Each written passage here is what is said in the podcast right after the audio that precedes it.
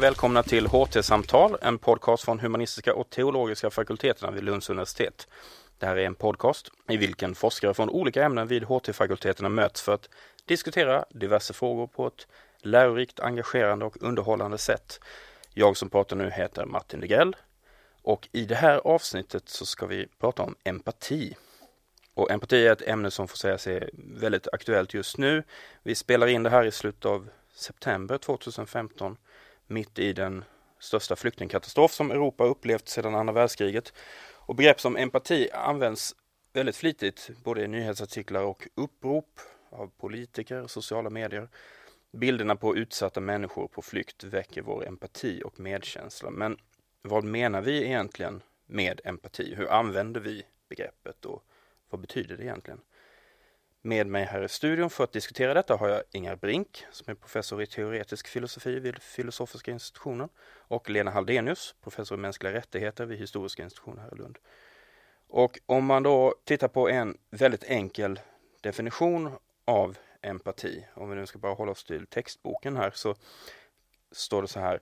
Empati är en komplex psykisk process som innebär att känna vad den andra känner att förstå vad den andra känner och en mekanism som kan avgöra från vem känslan härrör. Empati som begrepp kan ju användas i flera olika sammanhang och jag gjorde det högst ovetenskapliga experimentet att kolla lite på eh, dagstidningars användande av just ordet empati de senaste liksom, veckorna eller så.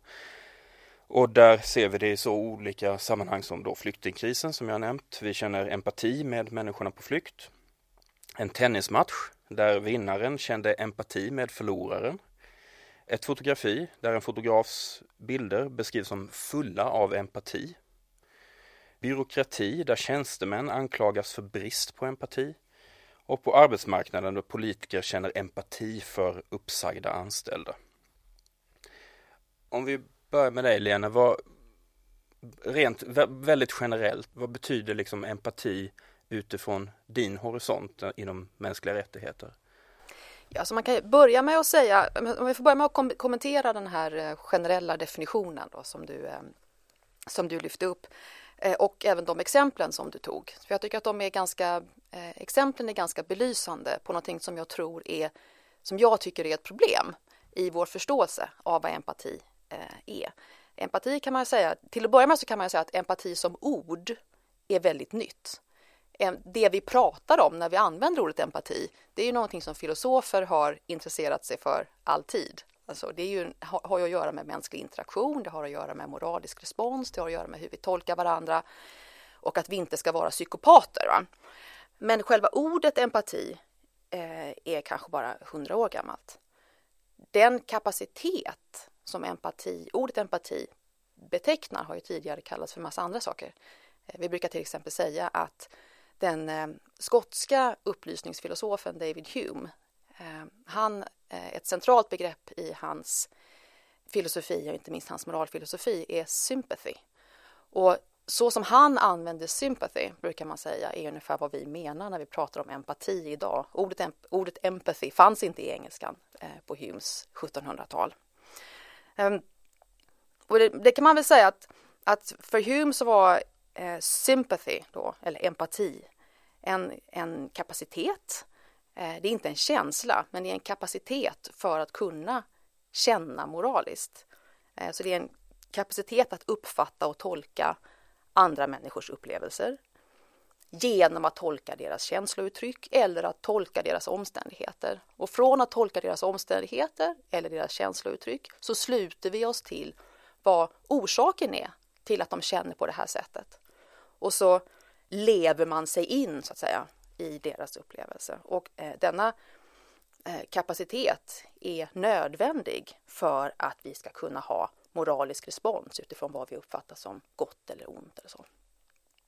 Och då tänker jag en intressant sak med de exemplen som du tog från media som jag tror är ganska symptomatiskt i hur empati har kommit att användas i vardagsspråket är att det har blivit ungefär samma sak som att tycka synd om. Så empati handlar om att känna med andra människor i deras lidande.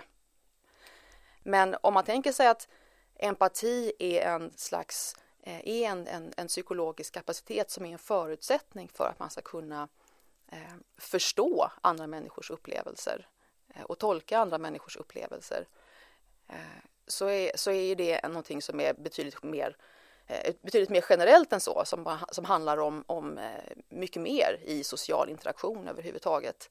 Men det har kommit att få den här eh, betydelsen ofta i vårt vardagsspråk, att det är ungefär samma sak som att eh, känna medlidande eller tycka synd om individer i deras, i deras problem eller elände. Det finns en laddning i det som kanske inte borde finnas där? Alltså då är det mer sympati man borde prata om eller? Ja, alltså det är alltid lite stökigt när man börjar säga vilka ord man skulle säga istället eller vad det inte borde vara på ett så sätt. Men jag, jag bara konstaterar att det har att, att det där finns det kanske en, en, en spänning mellan en mer eh, filosofisk användning av empati, men också den, det empatibegrepp som man använder i psykologisk forskning till exempel, och den här vardagliga liksom, kvällstidnings Eh, användningen av, av empati, där det har blivit ett mått, att vara empatisk har blivit ett mått på eh, att huruvida man känner med de som har det svårt. Mm. Ingar, hur ser det ut från, från din horisont? Eller om du vill kommentera det som Ja, nej, men jag har ju stött på ordet empati i min forskning eh, om social kognition, det vill säga hur människor eh, fungerar tillsammans och vilka eh, kognitiva eh, förmågor de har till att fungera till, eller vi har till att fungera tillsammans. Eh, och också hur eh, vi helt enkelt kan förstå vad andra människor eh, tänker och känner och upplever. Och eh, det är ju en tvärvetenskaplig forskning så att jag samarbetar med eh, utvecklingspsykologer och kognitiva psykologer framförallt och kognitionsvetare.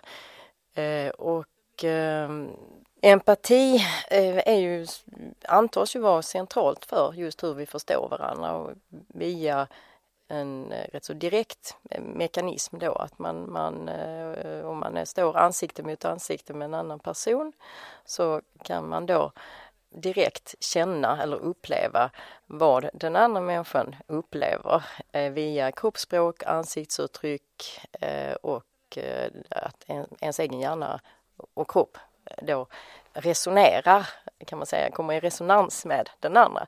Och det behöver inte betyda att man själv identifierar sig med den andras känslor men att man eh, eh, identifierar dem. Och sen kan man ju så att till exempel ser man en människa som är, eh, lider så behöver man ju inte själv bli lidande då. Det är inte det empati betyder utan det betyder att man, man känner lidandet hos den andra så att säga. Och sen kanske man reagerar på ett annat sätt. Man kanske reagerar själv med att bli arg. Eller vad man nu får en, för en känsla. Um, så att det är väl så och då tänker man sig också när det gäller intersubjektivitet, vår förmåga, en människas förmåga att eh, interagera eller samverka med andra människor där den grundläggande relationen är eh, jag och du så att säga. Eh, att där är, är utbytet av känsloupplevelser basalt, fundamentalt, eh, grundläggande. Och att det här utvecklas eh, väldigt tidigt hos små barn. Som då min forskning, en del av min forskning handlar om just intersubjektivitet och hur den upplev, utvecklas under de första två, tre åren. Och hur kopplar man detta till tidningarna? Eh, jag säger ju som Lena att man har ju fokuserat på just eh, att det här med lidandet då. Men det är ju inte bara eh, lidande utan det är ju hela spektrat av känslor. Va? Men, men visst kan man väl säga i vardagsspråk att eh, att folk har svårt att, ja de här exemplen var väl inte så befängda tycker nej, jag. Nej, nej, nej, de är inte alls befängda. Det, men det har blivit de... lite av ett modeord men det har vi ja. ju. Jag menar inte att exemplen är befängda, jag tror att eh, alls inte. Vad jag bara menar är, är som du var inne på också, att, att empati handlar inte bara om att kunna identifiera, tolka andra människors lidande Nej, utan, precis, all, utan, ja. utan, mm. utan det, det berör all form av, av mänsklig interaktion, eh, att kunna rätt tolka andra människors upplevelser, eh, vad det än är för någonting, eller rätt tolka, men ha, ha förmågan att, att eh, sen kan man ju göra fel också förstås, eh, men att ha den kapaciteten och det är ett mycket bredare fenomen. Precis, och man kan åtminstone konstatera att det liksom vardagliga eller kanske moderna användandet av begreppet har liksom fått en annan typ av innebörd än vad man kanske, Ja, pratar, kanske. pratar om inom Ja. forskningen. Ja fast jag så. tycker nog att innebörden verkar vara detsamma, det är bara att den har snävat in på lidandet. Mm, ja. Men annars just det här att förstå vad andra känner och, och direkt, att få en direkt upplevelse av detta och man kan ju då om vi nu fokuserar på intersubjektivitet, det vill säga vår förmåga att samverka och förstå varandra, så är ju då som jag sa empatin, den här känslomässiga förståelsen grundläggande. Men det finns ju också andra sätt att förstå varandra. Man kan förstå till exempel andras kroppsspråk som en handling, vad de ska göra, inte bara vad de känner utan vad de är på väg att göra, om de ska gå mot dörren eller sätta sig ner eller om de ska sparka till en eller pussa en eller vad det nu är. Det kan vi avläsa direkt utan att behöva fundera över det. Och sen finns det ju, ett, brukar man räkna med ett tredje sätt och det är ju då att man helt enkelt eh, eh, reflekterar över vad den andra tänker. Och då, då så föreställer man sig ofta att den andra tänker verbalt och att man på något sätt kan sätta sig in i detta. Men då skulle de två första sätten vara primära, eh, i varje fall ur, ur eh, psykologisk och eh, kognitiv synvinkel. Mm. Hur tidigt lär man sig detta? Ja, alltså hjärnan när vi föds har ju redan utvecklats lite men den, sen så den är ju ganska oformad så att säga. vid födseln men, men preparerad för att utvecklas på ett visst sätt. Och eh, den lilla nyfödda bebisen börjar ju direkt eh, eh, samverka med någon vuxen, vanligtvis en förälder eller två föräldrar eh, någon sjuksköterska och då så, eh, så ser ju bebisen hur den vuxna reagerar ansiktet framför allt. De har ju inte, kan ju inte se så långt utan de fokuserar på väldigt nära håll på saker och ting. Och eh, lär sig reagera på ansiktsuttryck och känslouttryck då väldigt, väldigt snabbt och även på, på rent, rena handlingar som där man pratar om de kan börja sticka ut, härma att man eh, sticker ut tungan väldigt snabbt, de här små bebisarna, gör de likadant. Och det är ju en mekanism som inte är medveten i den meningen som när man säger att empati, att man upplever medvetet de känslor, men själva grunden finns i att man övar upp de här så kallade spegelneuronerna i hjärnan så att de kan reagerar direkt på hur andras uttryck. Och sen så i senare steg så till, kopplas det till upplevelsen, den medvetna upplevelsen om detta. Så det är liksom en, eh, flera olika dimensioner i, i utvecklingsgången eh, av empati under de första åren. Man kan tänka sig också att, att det här med empati man säger att det är, en, det, är en, det, är en kapacitet, det är en psykologisk kapacitet, man säger också att det är en, en, en förmåga att uppfatta känslor. Men det innebär ju också, det inkluderar också alltid en tolkningsprocess. Alltså när det inte är det här, det här liksom, eh, direkta bebisstadiet utan, utan eh, en, en mer utvecklad kapacitet så innebär, inkluderar det ju en tolkningsprocess och en identifiering i någon mening. Att man förstår det vem... håller jag inte med om. Det beror på vad man pratar om. Ja, det, det, det, typ ja, det, det gör det väl, men om man tänker sig att, att, att eh, empati också är en slags, eh, ingår i vår moraliska arsenal så att säga. Det handlar om att vi ska kunna också sluta oss till vad vi bör göra i olika situationer. Så kan man ju inte, tycker jag inte att man kan inte inskränka detta till att handla om, om bara som säga, spontana känslomässiga reaktioner utan den här tolkningsprocessen tycker jag också är viktig att reflektera över vad, det, vad den innebär för någonting. Och sen också det att, att, att den här processen överhuvudtaget kommer igång handla, måste ju också rimligen handla om att man har identifierat den andra som någon som har med mig att göra. Alltså det måste ju alltså att sammanhanget i någon mening redan uppfattas som socialt. Man kan säga så här att rent, rent biologiskt eller psykologiskt så har vi ju från början, så vi föds med intersubjektiviteten om vi är normalt, normala så att säga. Och vi har den här beredskapen att se den andra som ett du kan vi säga. Men eh, sen när vi eh, växer upp efterhand så börjar vi uppleva då att det finns en ingrupp och det finns en utgrupp och det kommer hinder för den här eh, förmågan att, att direkt vara öppen för vad den andra känner så att säga. Men själva mekanismen att se att direkt uppfatta när man står ansikte mot ansikte med en annan människa vad den människan känner. Den finns där hela tiden om den har funnits där såvida man inte får någon hjärnskada. Men sen så är det ju precis som du säger, det, det intressanta steget för hur vi människor agerar sen, det är ju vad, vad gör vi med den här känslan? Är det så att känslan direkt undertrycks eller, eller försöker vi agera på den? Funderar vi själva? Vad, vad betyder den här känslan i ett moraliskt sammanhang? Vad ska jag göra nu? Det är många intressanta frågor som finns där.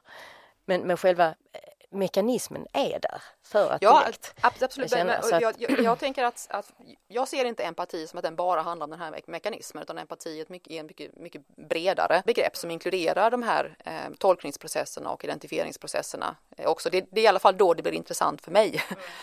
Sen är det viktigt att man gör klart för hur man använder det. Men, men eh, Ja, bägge, bägge är ju viktiga. Va? För att Ja. Finns inte det första där så man, finns det ju egentligen ingenting att tolka. Men i det här fallet om det nu finns någonting där att Mm. utgå ifrån så kan man också diskutera vilken tolkning som bäst svarar mot den, den faktiska upplevelsen. Ja, man kan väl också tänka sig också att, att om det är personer som, har, som, som, som saknar den här grundläggande Ja. förmågan, eller vad man ska kalla den för, i någon mening ändå kan liksom tränas till att bete sig Absolut, som ja. om man har den här empatiska förmågan. Man har den inte, men man kan träna sig till att rent kognitivt Ja, tolka sig signaler, resonera sig. Nu känner jag, nu har jag fått lära mig att det här ansiktsuttrycket betyder att den här personen är ledsen och då är rätt trösta? respons att precis, då ska jag göra så här. Va?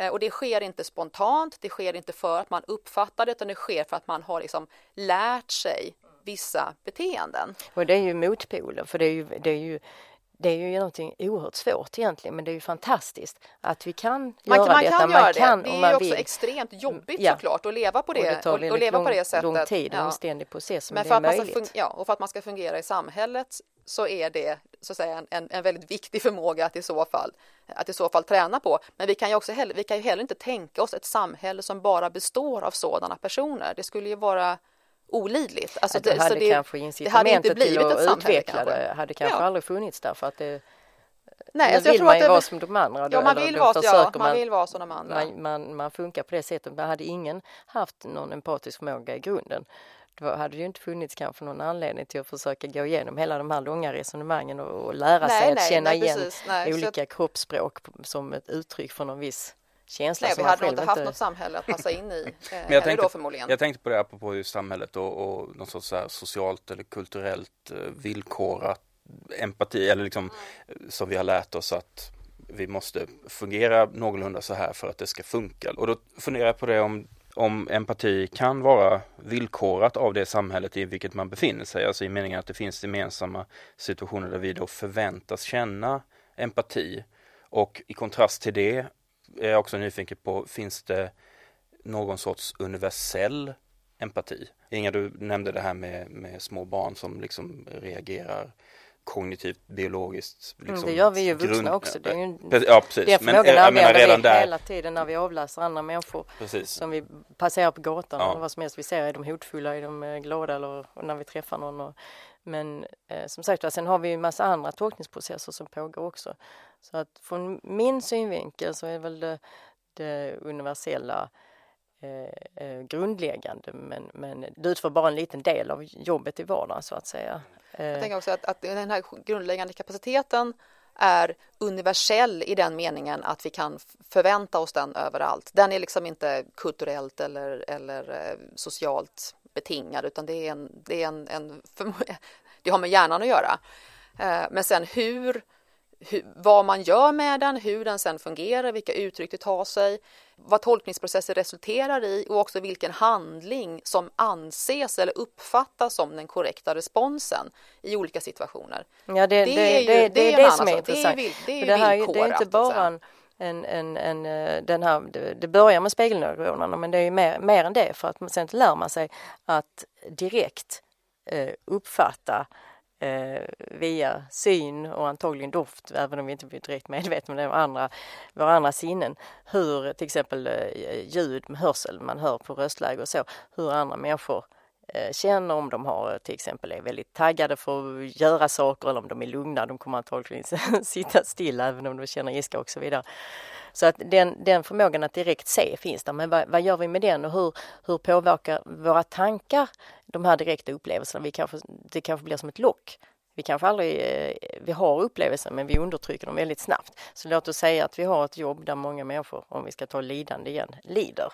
Vi arbetar på ett ställe där väldigt många är sjuka och vi måste eh, ta oss igenom dem för att vi ska göra gott, vi ska hjälpa människorna. Då kan vi inte låta den här omedelbara upplevelsen av deras lidande störa vårt arbete. Utan då får vi ju fokusera på annat. Ja.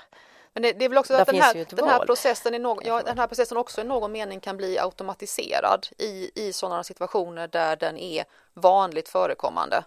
För det här som vi sa tidigare om den här personen som saknar den här grundläggande kapaciteten eh, som får bara rent kognitivt lära sig att göra rätt så sa vi att det är väldigt jobbigt och det är också väldigt sårbart och farligt i någon mening med, med, med, eh, med sådana personer, eller riskabelt. Men samtidigt så tror jag också att det är många situationer som det du beskriver nu, till exempel Ingar, att när det är en, en arbetsplats där man upplever väldigt mycket lidande eller, till, eller man kanske jobbar på en, eh, man kanske jobbar som vårdpersonal i eh, en, ett sammanhang där man, man konfronteras med väldigt mycket smärta eller, eller så.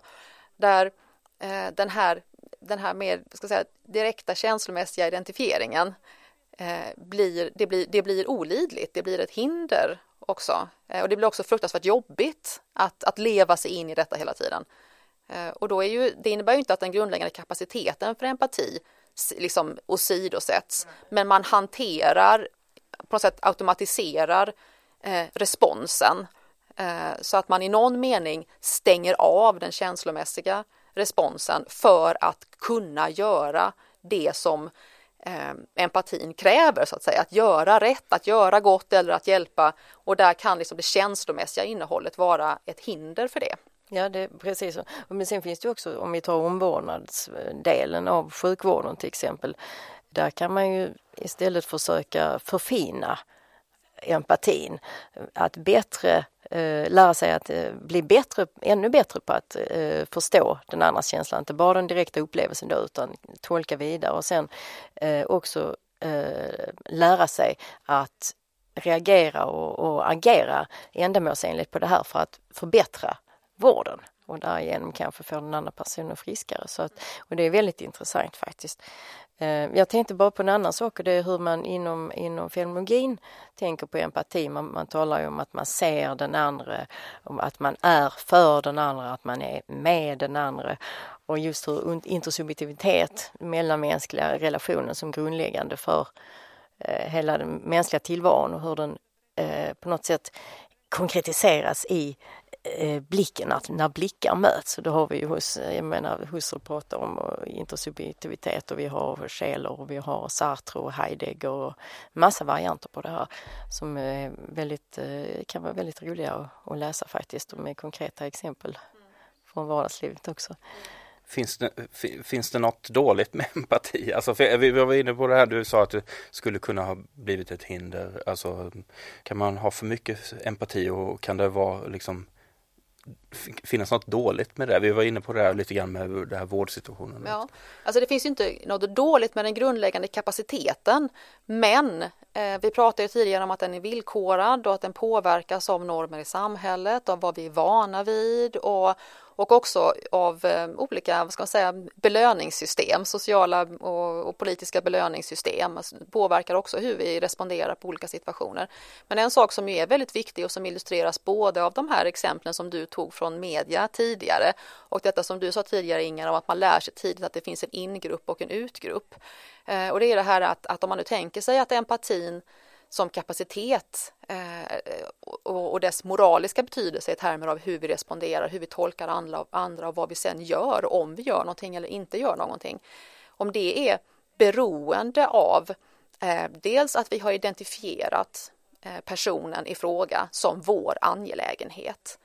Eh, och också detta att man då tänker sig att responsen kräver att det finns en slags kontakt som, kan, som är ganska direkt då är ju empatin eh, i ett eh, politiskt sammanhang som intresserar mig och också ett globalt sammanhang begränsad och också potentiellt problematisk därför att den kan leda till diskriminerande effekter.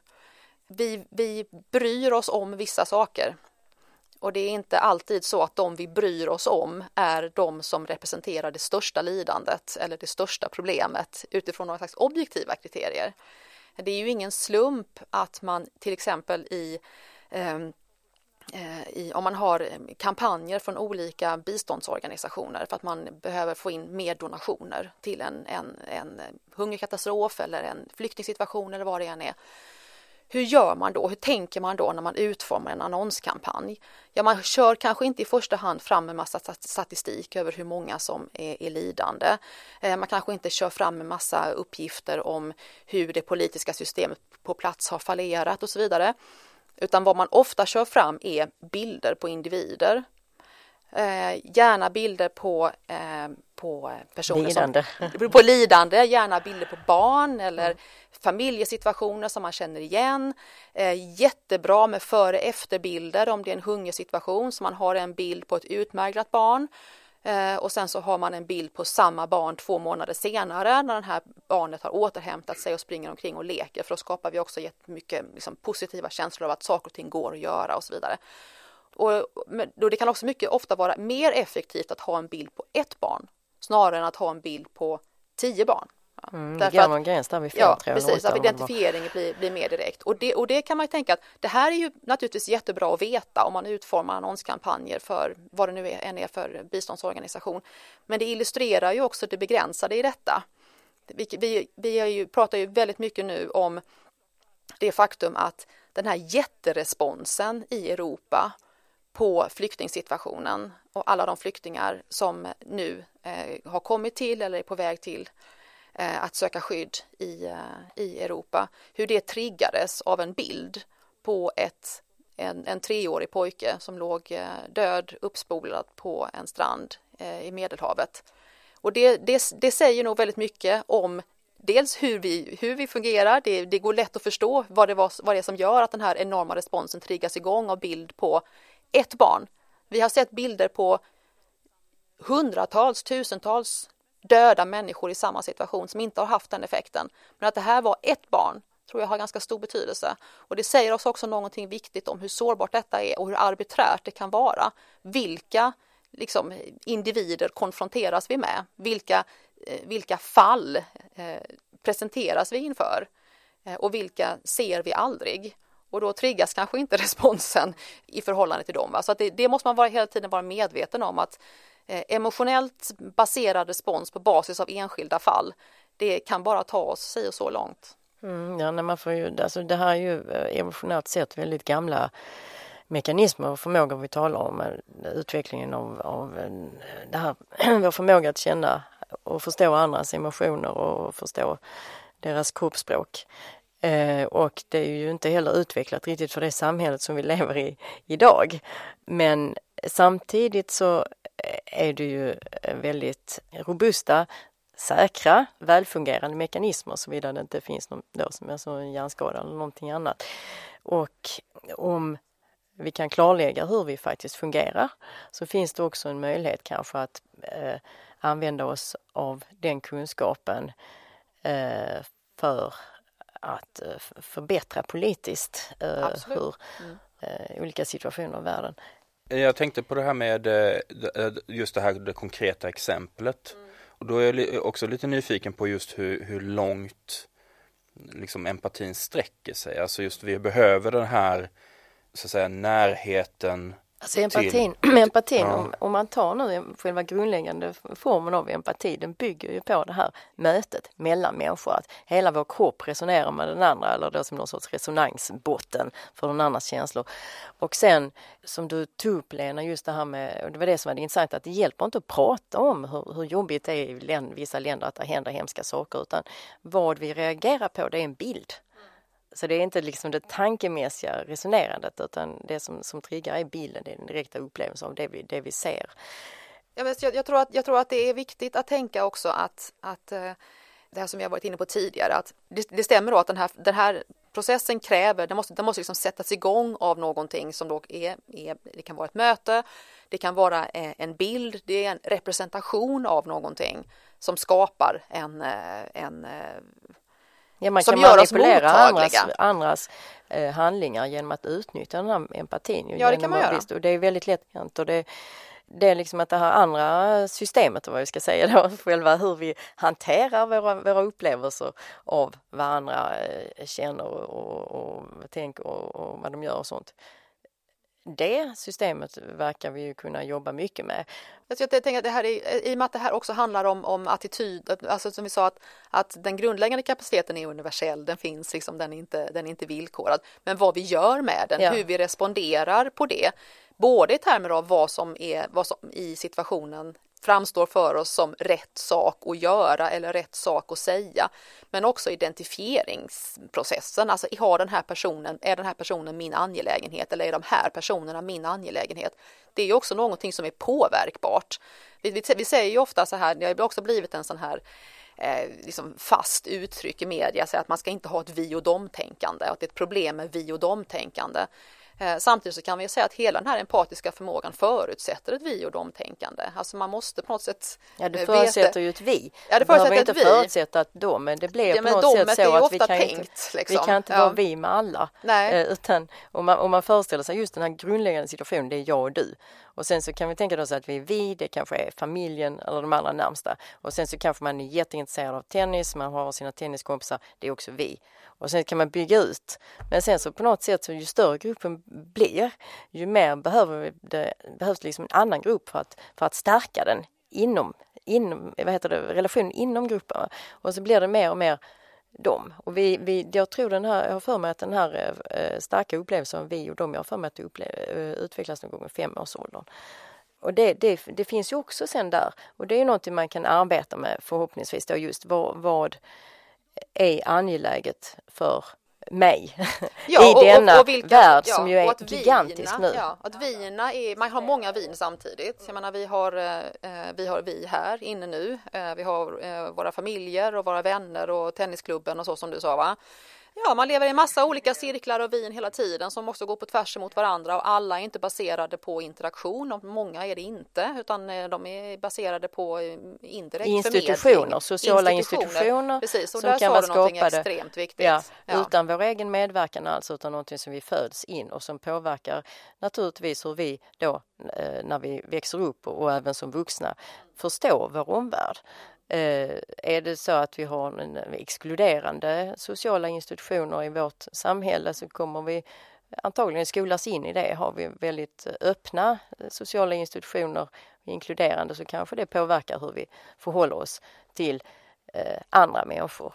Och det tänker jag det här då som, eh, jag menar jag, jag, jag, forskar om mänskliga rättigheter och mänskliga rättigheter är också ett sånt här komplicerat begrepp som, som kan betyda en massa olika saker. Det kan dels betyda en slags eh, rättsordning Eh, Eh, det kan betyda, det kan handla om en politisk praktik, internationell eller nationell eller regional politisk praktik. Många gånger tänker man sig också att det är en slags etik i detta som handlar om, om eh, och det här är ju väldigt problematiskt, men som handlar om eh, en slags norm om global empati.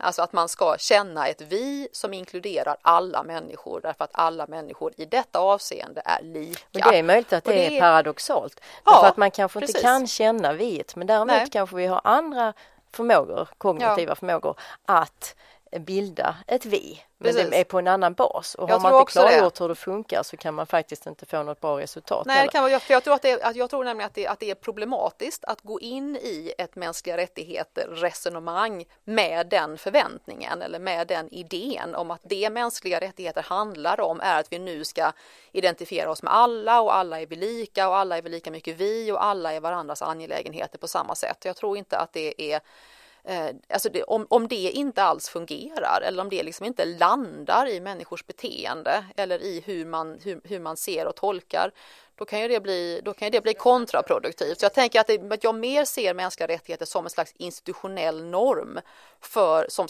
som kan liksom eh, forma den här identifieringsprocessen och som utmanar vilka vi som vi räknar med och vilken eh, respons som är rätt respons i olika situationer. Men man kan inte ha som grundkrav på något sätt att det verkar vi, vara en mer idealiserande syn på människan då. Men det verkar ja, och det, det finns rimligt ju, Det finns mycket ta... sånt i mänskliga rättigheter, ja. idealiserade synen på människan det som jag tror är problematisk. att man ska ta hänsyn till hur människan faktiskt fungerar i detta fallet. För är det så att människan biologiskt sett fungerar på ett sätt så är det inte troligt att man lyckas göra om detta med hjälp av någon sorts eh, moraliska imperativ. Nej, eller något jag ser det mer som, ett, som institutionaliserade normer är, är mycket viktigare för i sådana här sammanhang än vad vi ofta eh, tänker oss.